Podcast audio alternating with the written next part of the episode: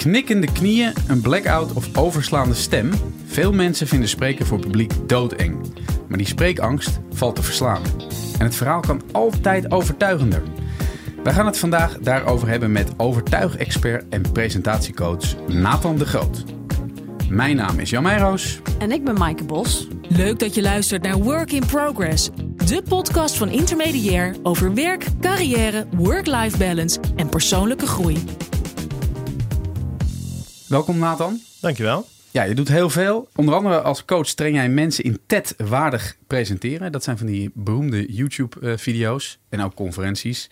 Ja, waarin mensen een verhaal doen die het waard zijn verspreid te worden.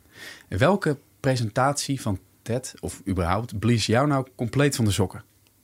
Ja, dan denk ik dat er toch maar één kandidaat is.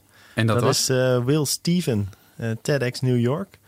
Ik was er niet live bij, maar dat, eh, dat hoeft ook niet. Want zoals je weet zijn heel veel TEDx-filmpjes heel goed geregistreerd. En op YouTube kun je dat nog nakijken. Hij heeft een TED-talk gehouden letterlijk over niets. Hear that? That's nothing. Which is what I, as a speaker at today's conference, have for you all. I have nothing. Nada. Zip. En dat doet hij op zo'n meeslepende manier en op zo'n eigenlijk leuke parodie manier. I have absolutely nothing to say whatsoever. And yet, through my manner of speaking, I will make it seem like I do. dat dat eigenlijk wel mijn all-time favorite is. En toen ik die voor het eerst zag, dacht ik, want wat geniaal dat je dat durft en dat je dat doet met je TED-talk als, je die, eh, als je die gelegenheid krijgt. Want even voor mensen die TED Talks niet kennen, die, dat zijn Ja. altijd eh, volgens mij 30 minuten max, kwartier minimum. Nou, dat is een tijd lang heel streng geweest, maximaal 18 minuten. Oh, oké. En dat is ook de kracht, omdat je heel vaak mensen over nanotechnologie uitnodigt te praten of over hele andere complexe materie. Maar ook die krijgen maar heel weinig de tijd om een toegankelijk en meeslepend verhaal te houden. En ja, dat is zo populair geworden dat heel veel andere mensen ehm, en andere organisaties nu ook dat soort evenementen gaan organiseren. Hey, en andersom, bij welke presentatie ben je gillend weggerend van dit is zo cringe, dit, dit is te pijnlijk?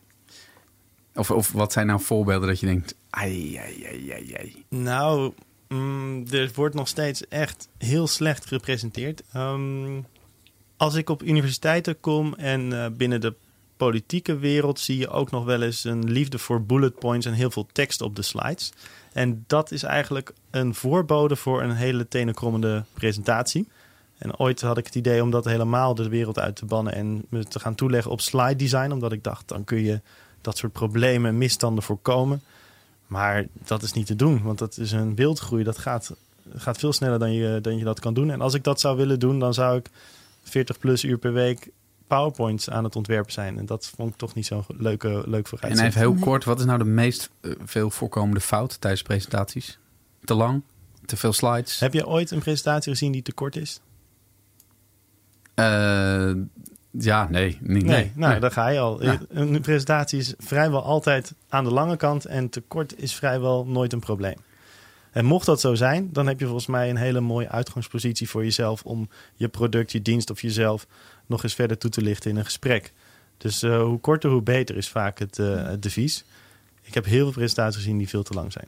Oké, nou laten we beginnen even bij, bij het eerste thema. eh, Spreekangst. Want dat heeft natuurlijk wel heel erg mee te maken waarom sommige presentaties niet lekker Ja. uit de startblokken komen of überhaupt niet landen.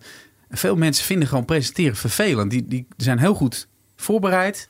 Die zien die zaal met mensen of gewoon hun collega's op de vloer en die, die slaan dicht. Of die gaan zweten of die gaan hakkelen en stoten. Wat, wat is dat? Ja, dat heet adrenaline. Dat, eh, er zijn allerlei chemische processen die er ontstaan als we heel veel oog op ons gericht weten. En we vertalen dat vaak negatief als stress. Maar hetzelfde stofje zorgt ervoor dat eh, een Daphne Schippers, dat een Pieter van der Hogeband, dat allerlei sporters heel goed kunnen presteren. Dus het is eigenlijk voor een deel te wijten aan hoe we het interpreteren. Want het stofje is precies hetzelfde. Het zorgt ervoor dat je een goede prestatie kan leveren. Alleen als we sporten, dan denken we: oh ja, ik voel wedstrijdspanning. Maar als je presenteert, dan voel je je ineens nerveus. Ja, maar ik zit ook te denken, als sporter ben je totaal aan het zenden. Je doet helemaal je eigen ding, los van eh, enige interactie. Maar als je een presentatie houdt, dan heb je ook met anderen te maken. Nou, ik denk dat, ik weet niet of je teamsport gedaan hebt, maar als je een wedstrijd gaat voetballen of hockey, ben je heel erg Ja. afhankelijk van anderen ook. Ja, en dan voel je ook wel die adrenaline. Ja, is waar. Maar natuurlijk heb je daar wel een punt. Ik denk alleen dat een goede presentator ook zoveel heeft geoefend en zoveel scenario's heeft, eh, in zijn hoofd heeft zitten, dat je eigenlijk eh, niet echt meer verrast wordt op de dag zelf. Heeft het ook nog te maken met dat je bijvoorbeeld bang bent hoe anderen naar je kijken? Dat je uit de groep valt? Dat is misschien makkelijk om zo te zeggen. Je wil natuurlijk niet evolutionair gezien buiten de groep vallen. Tegelijkertijd positioneer je als presentator jezelf juist soms ook als leider of als gids. Je wil iets vertellen wat anderen niet weten. Dat is de reden dat je voor de groep staat. Maar dat is wel een risicovolle taak. Want zeker in Nederland ook. Je weet allemaal hoe het eindigt als je je kop boven het maaiveld, Ja, ja. maaiveld uitsteekt. En dan, ja, dat is wel wat een presentator doet. Dus die Ja. wedstrijdspanning, om het zo maar te framen, die is wel ergens gegrond. Ja. Ja. En dat En- zorgt ook dat je goed kan presteren. Stel dat je het niet zou voelen en je zou een presentatie geven, dan zou je dus op de automatische piloot een heel monotoon verhaal krijgen van, nou ja, een soort eh, Piet Hein Donner, zeg maar. Die gewoon, ja, die kun je aan en uitzetten en die vertelt altijd in hetzelfde tempo en een beetje, ja. Maar soms er zijn verhalen van eh, eh, topmanagers die bijna overgeven achter de coulissen. En eh, je, het kan ook echt slechte vormen aannemen. Ehm, wat krijg je dan uiteindelijk als die, als die zenuwen, als je die niet de baas bent? Wat, wat gebeurt er dan? Ja, dat lijkt dan in dit geval het meest op kortsluiting. Alleen was ik daar Ja. niet bij. Wat er in ieder geval gebeurt als gevolg van die ehm, stofjes in je lichaam, die adrenaline, die Ja. zorgt ervoor, de fight-or-flight reflex, dat je lichaam ehm, heel veel bloed en zuurstof zendt naar je ledematen. Want je moet vechten of rennen en bij allebei heb je je ledematen nodig. En dat betekent ook dat je je buik en dus de ja, darmorganen, maag, die, die blijven relatief zonder zuurstof en zonder eh, verse toevoer. En dat zorgt ervoor dat mensen soms wat, wat ja, kriebel in hun buik krijgen, of dat ze een droge mond krijgen, of dat ze zelfs flauw vallen. Ja, en dat moet je dus eigenlijk signaleren. En het is niet een oplossing om dan maar te stoppen met eten of drinken, omdat je denkt van oeh, het voelt niet Ja. zo fijn. Nee, als je dat doet, dan eh, loop je risico's. Alleen ik denk dat dat echt een hele kleine categorie is. Ja. Hey, en hoe, hoe overwin je die faalangst? Heb je gewoon wat basic trucs of tips? Of misschien zelfs gewoon eh, ja, placebo-achtige dingetjes? Ja, dat is altijd lastig om. Dat is natuurlijk het een beetje flauw antwoord. Dat het lastig is om dat echt met harde bewijzen te ondersteunen. Er zijn wel heel veel soort van feel-good ad- adviezen. Als je bijvoorbeeld kijkt naar Obama, we zijn het allemaal wel over eens dat dat echt een goede spreker is. En veel mensen denken dan nu, oh ja, dat is een natural. Maar hij heeft gewoon heel veel geoefend. En hij gaf les aan de University of Chicago, als ik me niet vergis. En zijn studenten die waren best wel meedogenloos in de evaluaties. 35% zei, als ik dit van tevoren geweten had, dan had ik het niet gevolgd, het vak. En hij was de docent. Dan heb je les gehad van Obama en dan zegt nog meer dan een derde... nou, als, had niet gehoeven van mij op zo'n manier. Hij wordt ook omschreven in zijn begintijd als een stijve, iets wat saaie spreker. En volgens mij uit dat soort commentaren kunnen we leren dat het zin heeft om te oefenen. Ik denk echt dat voor, nou, durf er haast geen percentage op, eh, op te plakken, maar ik doe het toch. 90% van de mensen die kan echt grote vooruitgang boeken. En eh, ja, dat is dus denk ik het, het goede nieuws. En hoe je dat dan doet, dat is door veel te oefenen, door eh, goed na te denken over je verhaal. En ook voor verschillende publieken te gaan staan. Want op het moment dat je het alleen maar in je hoofd doet, dan voel je alsnog heel veel zenuwen op het moment dat je voor een groep staat. Maar als je dat Ja. vaker hebt gedaan, dan slijt dat ook een beetje. Ja, dat lijkt me dan zo lastig. Als je, als je het dan niet durft, dan moet je je dus voor de leeuwen werpen eh, om te zorgen dat je het gaat durven. Ja. Maar eh, ik las ook dingen als eh, dat je je negatieve zelfgedachten kunt omkeren. Help je mensen daar ook mee? Bijvoorbeeld mensen denken, oh, eh, straks word ik ontmaskerd dat ik eigenlijk niet genoeg van dit onderwerp weet. Of, eh, oh, ze zien aan me dat ik een rode kop krijg. En daarmee maken ze zichzelf nog Gekker. ja, nog gekker, Ja. nog meer buikpijn, nog meer droge mond. Ja. Maar je kunt ook iets positiefs denken of gewoon. Hè? De- heb je daar tips voor? Dan, Nou ja, bijvoorbeeld inderdaad dat veel mensen die vinden het dan vervelend om voor een hele grote groep te spreken. En dan gaan ze uit angst een beetje iedereen aankijken. Maar iedereen zo kort dat je net een beetje lijkt alsof je een Bambi bent die in de koplampen van een auto eh, kijkt. Terwijl als je gewoon voorstelt dat je met één iemand een gesprek in de kroeg hebt en je kijkt die gewoon even voor één zin aan en vervolgens ga je met de volgende zin kijk je iemand anders aan. Ja, dan heb je het voor jezelf veel rustiger gemaakt. Terwijl als je niet een ankerpunt hebt in het publiek bijvoorbeeld, dan eh, blijft het onrustig en dat straalt dan ook op jou af. En dan zullen mensen jouw boodschap ook veel minder eh, aandacht geven. en wat nou als iemand heel hard nee zit te knikken? Of, uh, In het zitten, publiek bedoel je? Ja, of zitten kreunen van, oh, wat zegt die nou weer? Wat zegt ze nou weer? Ja, nou dat is ook het is een hele interessante, want dat gebeurt natuurlijk Maar denk je dat, denk, even inbreken, denk je dat dat ook op de werkvloer gebeurt als je voor collega's dat doet? Nou, Dat dan zou- juist. Dan denk ik juist. Ja, ja. Dat is van die vergaderingen en dan heb je een idee en dan zit iemand al heel erg zo van uh, achterover te leunen van en dan zie je al dat hij het een waardeloos Wat idee vindt. naarlingen zijn. dat. Meestal richt je dan alleen op die persoon om die te overtuigen. Ja, nou dat is dus een grote overtuigfout. Dat je, als je, als ik jij, je ben je voor Ajax, Feyenoord, maakt niet uit. toch? Ajax. Ajax, oké. Nou, stel nou dat ik eh, voor, laten we zeggen, PSV. eh, voor Emmen zou zijn, want dat is een beetje neutraal hier.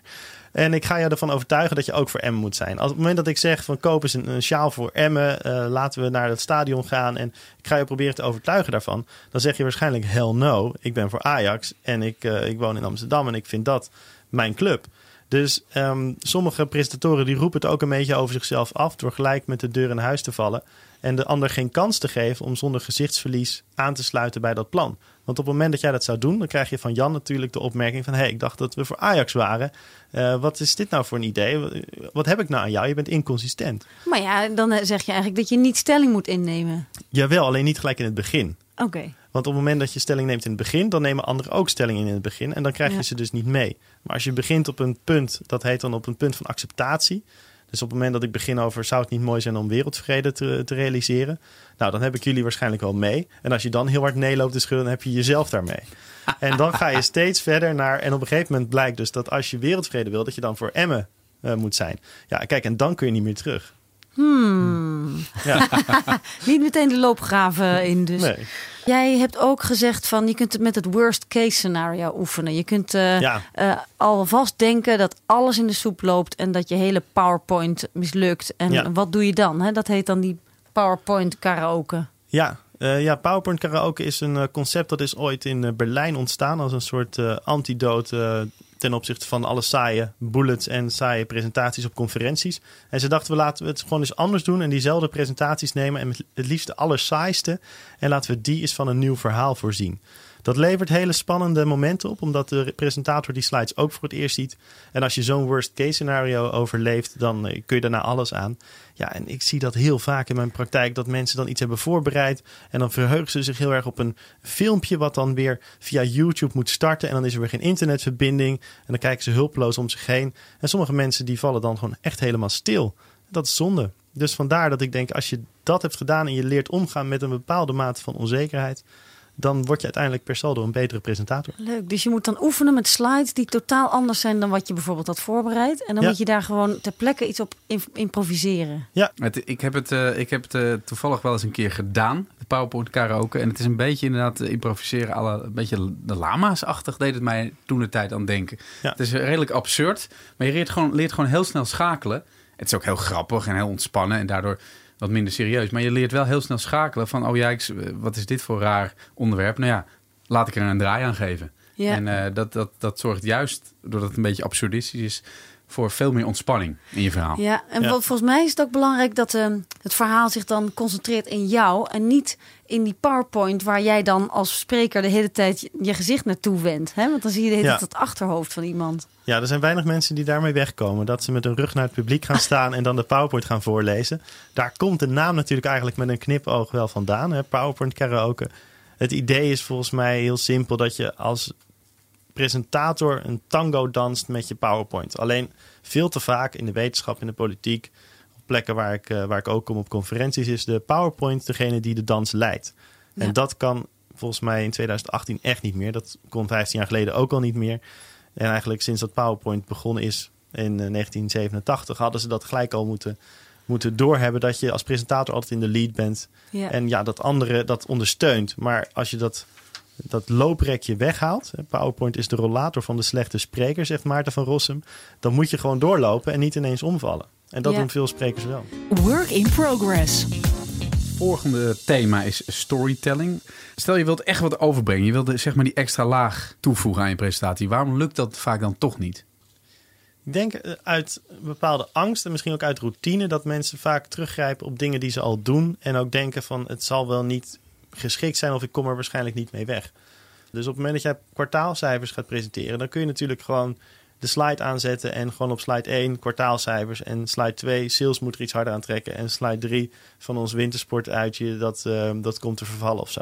Maar je zou er ook wat spannenders van kunnen maken door je af te vragen wat wil het publiek nu horen, met welke verwachting komen ze en ga ik ze dat gelijk geven of ga ik eerst nog een omweg doen. En zo'n omweg, dat noemen we dan vaak storytelling.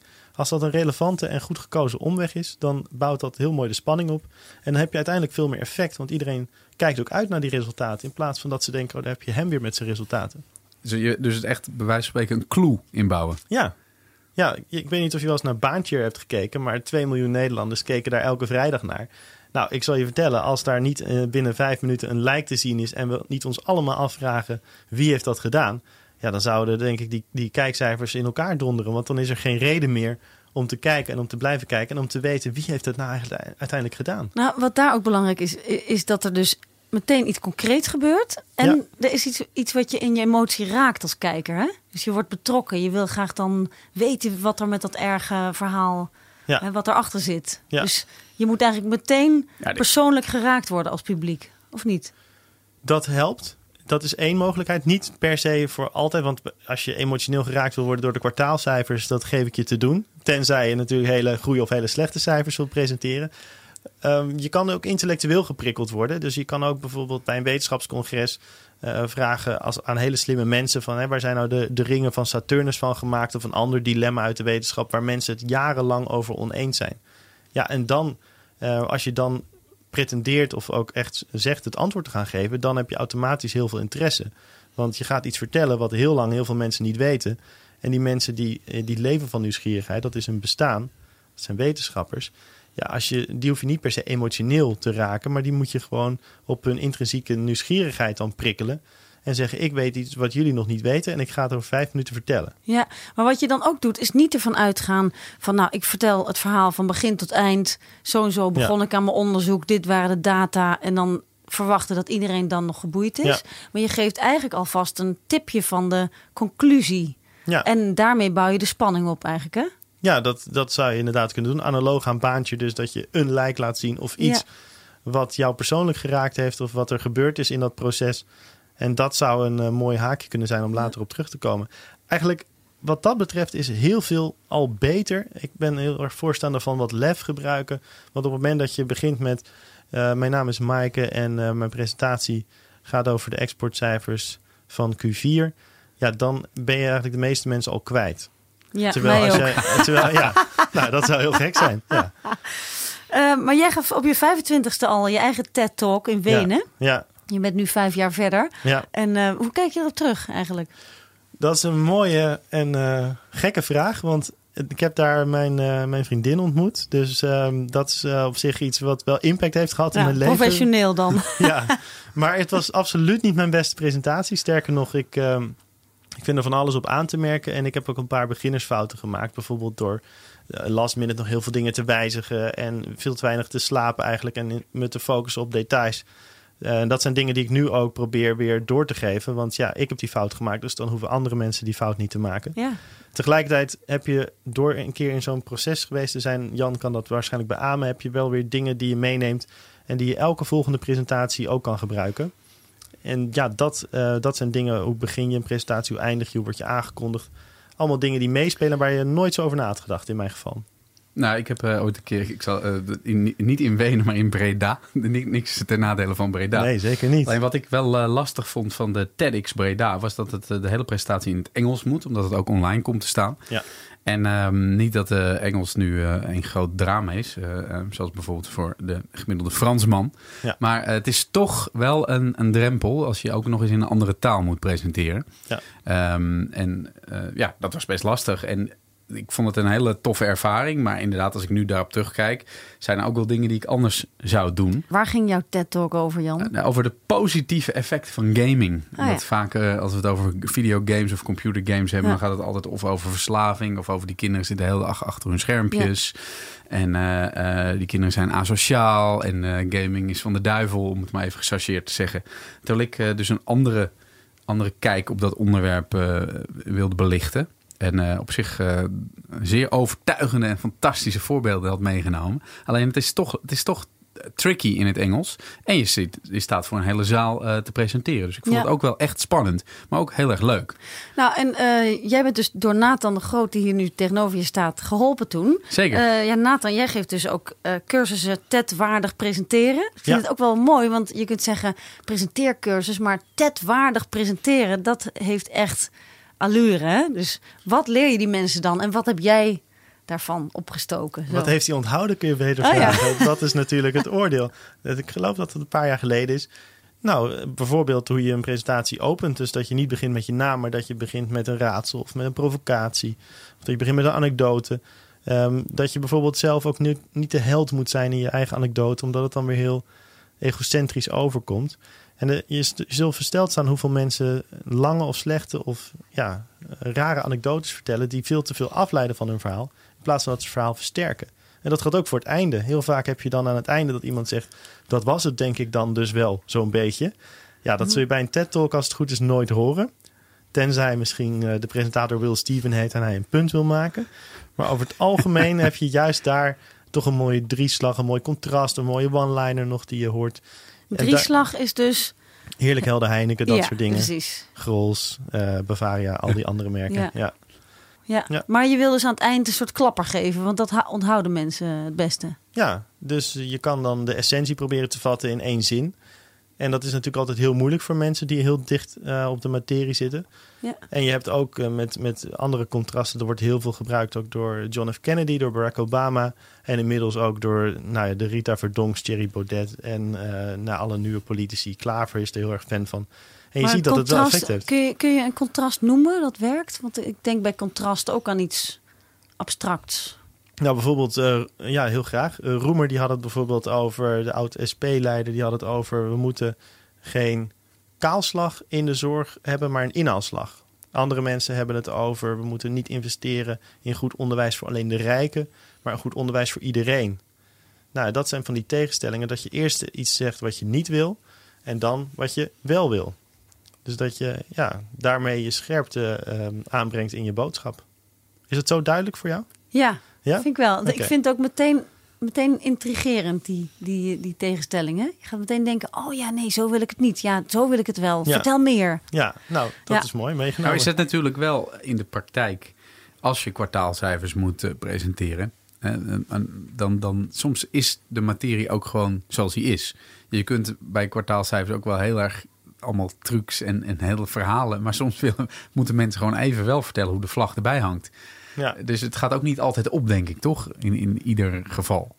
Nou, dat gaat het wel, Jan. Want op het moment dat je al een presentatie ingaat met... nou, ik ga nu even een uur van ieders leven een beetje saaier maken... ja, dat is denk ik al geen goed uitgangspunt. Je hoeft ook niet altijd de clown uit te hangen als het serieuze cijfers zijn. Maar soms dan heb je gewoon iets wat te mooi is om waar te zijn. Als je bijvoorbeeld een presentatie geeft op een congres over risk management... en het blijkt met één simpele ehm, zoektocht op Google... blijkt je te vinden dat dat de dag is zoveel jaar geleden dat de Titanic uitvoer. Nou, dat is dan zo'n mooie verbinding met risk management. Dat kun je niet laten liggen. En ik denk dat iedereen je heel erg dankbaar is als je zoiets... eh, als- een perfecte opening. ja, bijvoorbeeld. En dan denk ik dus van ja, risk management, hoe droog kan het zijn? Maar op zo'n manier maak je het smeuig. En dat kan met kwartaalcijfers ook. Er is zelfs een website, de inhaakkalender. En eh, volgens mij is het inhaakkalender.nu. En je zult versteld staan, elke dag is het wel een dag van de. Dag van de duurzaamheid, dag van de... dat, eh, gebru- zie je ook vaak DJ's die gebruiken dat vaak. Hè? Ja, op- de radio inderdaad heel vaak. Ook soms tot vervelends toe. Alleen als je daar een originele link kan leggen met het onderwerp, dan is het heel krachtig. Nou, en ze zeggen ook dat je het persoonlijk moet maken. Hè? Want eh, wat zijn... Kwartaalcijfers persoonlijk maken, dat is best wel Nou, tricky, toch? Ja, ja. Dat, ja, het vergt creativiteit. Je moet even eventjes een slagje extra denken. Hè? Ja. Van hoe maak je nou van die feiten een verhaal? Zo, dat moet je doen eigenlijk. Ja, nou, je kan die kwartaalcijfers ook in een breder perspectief plaatsen of zeggen wat hadden we verwacht en wat is het geworden. En dan wordt het automatisch al een, eh, een verhaal. En er is natuurlijk een verschil tussen een speech op 4 mei en een presentatie van een wekelijkse update van een project. Dat eh, hoor je mij ook niet ontkennen. Alleen je kan wel er iets meer van maken. En het persoonlijke, dat zul je bij een 4 mei speech natuurlijk heel extreem hebben. En op het moment dat je daar een speech geeft en bijvoorbeeld ik word ziek op 3 mei en jij kan mijn, eh, mijn speech daar geven, dan is het eigenlijk geen goede speech, want dan zit die vol met algemeenheden, is hij niet persoonlijk genoeg. op het moment dat jij hem eigenlijk niet kan geven, zonder hem te veranderen, dan is die waarschijnlijk persoonlijk genoeg, want dan zitten er veel persoonlijke details in die ik daar zelf heb ingestopt, of mijn speechschrijver in dit geval. Dus dat is denk ik wel een hele belangrijke. Ja, je kunt de lat natuurlijk heel hoog leggen in het bedrijfsleven, waar je wekelijks een update moet geven. Ik denk dat het wel in het belang van de presentator is als je gewoon een kwartiertje meer voorbereidt, maar daardoor wel de aandacht hebt bij die presentatie. Work in progress. Stel je presenteert redelijk vaak, het gaat je makkelijk af. Uh, je merkt gewoon dat als je iets vertelt dat mensen naar je luisteren. Hoe kun je dan de volgende slag maken? Wat zijn nog echte tips voor, voor gevorderden? Dan zijn er uh, wel een flink aantal tips. Eén uh, tool waar ik zelf wel enthousiast over ben de laatste tijd. Dat is Mentimeter. Het is een van de snelst groeiende bedrijven in Zweden. Zeg het nog eens? Mentimeter. Mentimeter. Ja, hm. en dan kun je online mensen naar een mening vragen. En dat kun je zowel doen op een open vraag als een gesloten vraag. Dus ik kan vragen hoeveel mensen zijn er in deze zaal voor Ajax en voor Emmen. Of als je moet kiezen, zou je dan voor Ajax of voor Emmen zijn? Dat zijn hele leuke speelse manieren om heel snel te weten wat voor volk je in de zaal hebt. En daar kun je je presentatie op aanpassen. Dat doe je vaak wel op de dag zelf, maar dan moet je wel op de voorbereiding over nadenken. Welke vragen stel ik in welke volgorde en hoe hou ik dat leuk en informatief? Maar wat, wat uh, doe je daarmee dan? Is het dan dat je uh, het publiek op je hand probeert te krijgen? Of dat je medestanders zoekt in het publiek? Of wat is dan eigenlijk wat je probeert met dat publiek? Je probeert heel snel inzicht te krijgen um, in wat het publiek vindt. Als je de cijfers presenteert van Q4, ja, ik blijf erover doorgaan. Het is een soort running gag geworden. En je zegt, wat vinden jullie van de cijfers? En je hebt drie mogelijkheden, neutraal, blij of boos dan krijg je heel snel wel een gevoel erbij van is dit wat mensen verwachten. En dat is heel informatief. En het voordeel van die tool is dat het anoniem is. Dus je kunt ook sociaal onwenselijk antwoorden. Terwijl als je zegt, jongens even handen omhoog, wie is er blij mee? Ja, dan denk je, hé, mijn buurman is er blij mee. Hoe kan dat nou? Ja. Hij heeft alles gedaan om het te saboteren, bij wijze van spreken. of hij gaat volgende week naar de concurrent. Ja. Dus dat soort tooltjes vind ik heel, eh, heel handig. Je schrijft ook onder andere voor de speld. Ja. Daar werkt dat omdenken en dat misleiden heel erg. Dat, dat je, je ziet iets wat heel serieus lijkt. En het is eigenlijk absurd, maar er zit altijd toch weer een kern van waarheid in. Dat is best wel lastig voor mensen, toch? Dat je ze op het verkeerde been zet om iets duidelijk te maken. Ja, het is wel hoe je de aandacht krijgt. En kennelijk raakt het een snaar die... bijvoorbeeld de speld heeft uh, redelijk wat, wat lezers. Ik heb de laatste cijfers niet, maar ja, je bereikt toch wel een miljoenen publiek op maandelijkse basis. Dat is wel heel mooi voor, ik hoef het jou niet uit te leggen, voor uh, media online. Ja, dan doe je dus kennelijk iets goeds. Maar daar zit wel ook een soort... Valkuil misschien. Humor is lastig. Ja, ik wilde valkuil eigenlijk niet zeggen, maar wat mij betreft kunnen we ook daar... Ja, het is een uitdaging, want het lijkt altijd zo makkelijk van... oh ja, daar komt weer een speldartikel en oh ja, ze zitten weer lekker op de actualiteit. Maar er gaat natuurlijk wel veel werk in zitten. En als je een presentatie geeft en je denkt, ik wil er even een, uh, een paar percentage van de speld bij doen. Of ik wil er even wat, wat grappen bij doen. Dan pas merk je, oh, het is best wel moeilijk om dat goed te doen. En ook grappen te maken die nog niet gemaakt zijn. Maar humor als zodanig werkt wel altijd dus. Het kan heel ontwapenend werken. Ja, je moet natuurlijk altijd kijken, dat zeiden de Grieken al, of het aptum is, of het passend is. Dus op het moment dat je bij het Koninklijk Huis een paar grappen gaat maken, of op het moment dat je ja, op een begrafenis wordt dan juist wel weer heel veel gelachen. Terwijl ja, bij je team is het ook maar weer de vraag: van zit je baas erbij? Hoe zit die in de wedstrijd? Dat, is, dat speelt allemaal mee. Maar in Nederland zijn we over het algemeen wel van de humor en hebben best wel een hoge tolerantie. Maar niet zo erg als een grap die niet landt, toch, tijdens een presentatie? Dan kun je altijd zeggen van ja, die heeft Jan bedacht. Of je kan altijd zeggen van die hoorde ik laatst op de gang. Dat is een beetje een way out. Ik moet zeggen, niet per se heel, uh, heel positief. Maar je, er zijn wel manieren om ook slechte grappen te vertellen. En dat zou dan een provocatie kunnen zijn. Dat je zegt van ik hoorde laatst iemand dit zeggen. Ik vond het zelf ook een slechte grap. Maar ik vond het wel relevant in het kader van dit thema. Dus dan draai je, draai je hem toch weer om. Ja, dan vertel je een beetje van de indirecte reden. Dat kan. En een van de mooie manieren misschien nog om ook iets te doen uh, in het begin. Uh, voor gevorderden is dat je zegt um, bijvoorbeeld als eerste zin van je presentatie. Intermediair is echt een waardeloos bedrijf. Ja, dit wordt er waarschijnlijk uitgeknipt. Dat nee, kan ook zijn. Niet. Nee. Of nou, intermediair.nl is een waardeloze website. Ja, is een waardeloze zo chockerend. Met dat... name die podcast. Dat is zo chockerend dat in ieder geval als je erbij betrokken bent, dat je dan denkt van, hé, hey, wacht eens even.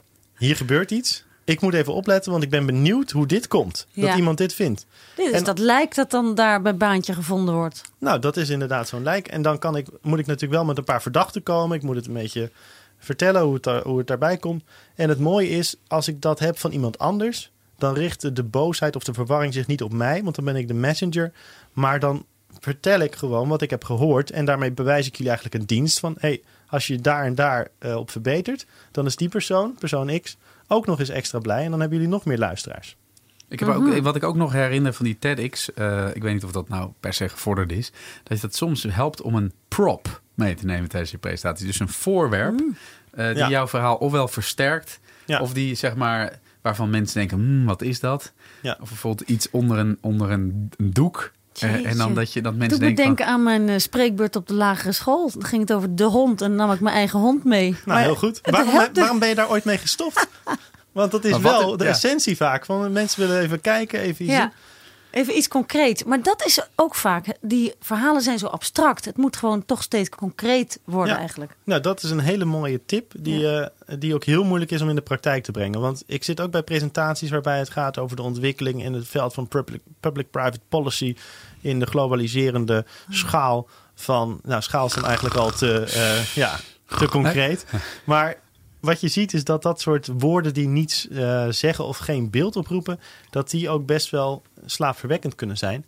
En heel veel nou ja, ambtelijk jargon is wel juist gestoeld op dat soort termen. En dat sluipt er dan zo in. En voordat je het weet heb je twee minuten uh, gepraat, maar heb je niks gezegd.